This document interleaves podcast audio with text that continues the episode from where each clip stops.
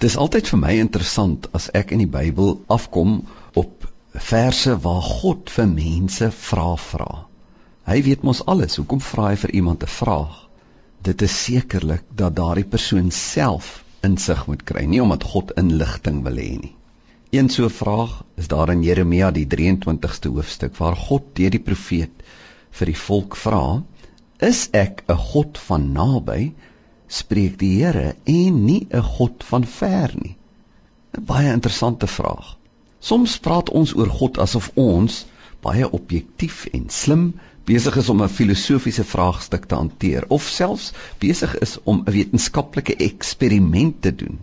Asof ons geleerdes en ingeligtes is en in ons redenasies, idees en debatte self kan bepaal wat die waarheid oor God is. Natuurlik is denke en debat nie verkeerd nie, is nodig. Maar is baie ironies dat terwyl mense debatteer oor God, die God van liefde, hulle vyande word. As debat, navorsing, eksperimente en teorieë al is wat aan die gang is in my soektog na God, dan verdwaal ek net soos Israel verdwaal het. En Jeremia vra hierdie vraag: Is ek 'n God van naby? vra die Here en nie 'n God van ver nie. Bedoelende dat dit nie net oor jou ondersoek gaan nie. Dit gaan oor daar naby.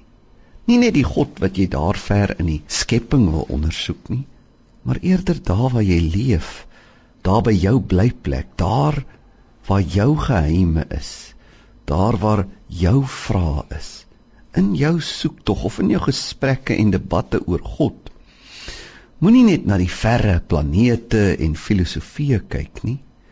Moenie jou lewe die naby plekke uit hierdie sogenaamde ondersoek hou nie. Jou geheime, jou vrae, jou probleme, jou drome en begeertes, ja selfs jou skandes. Die Hebreëse woord vir kennis beteken nie wat ons gewoonlik dink as ons dink aan kennis nie dis meer 'n intieme verhoudingswoord.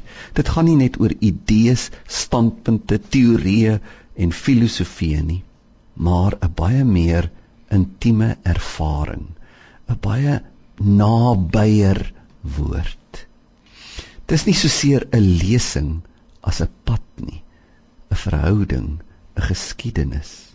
En daarom laat ons vandag dink aan hierdie vraag wat God vir die Israeliete gevra het en vra hy dit nie dalk vir ons nie, dalk vir jou in jou gedagtes oor God en wie jy dalk sukkel om te glo.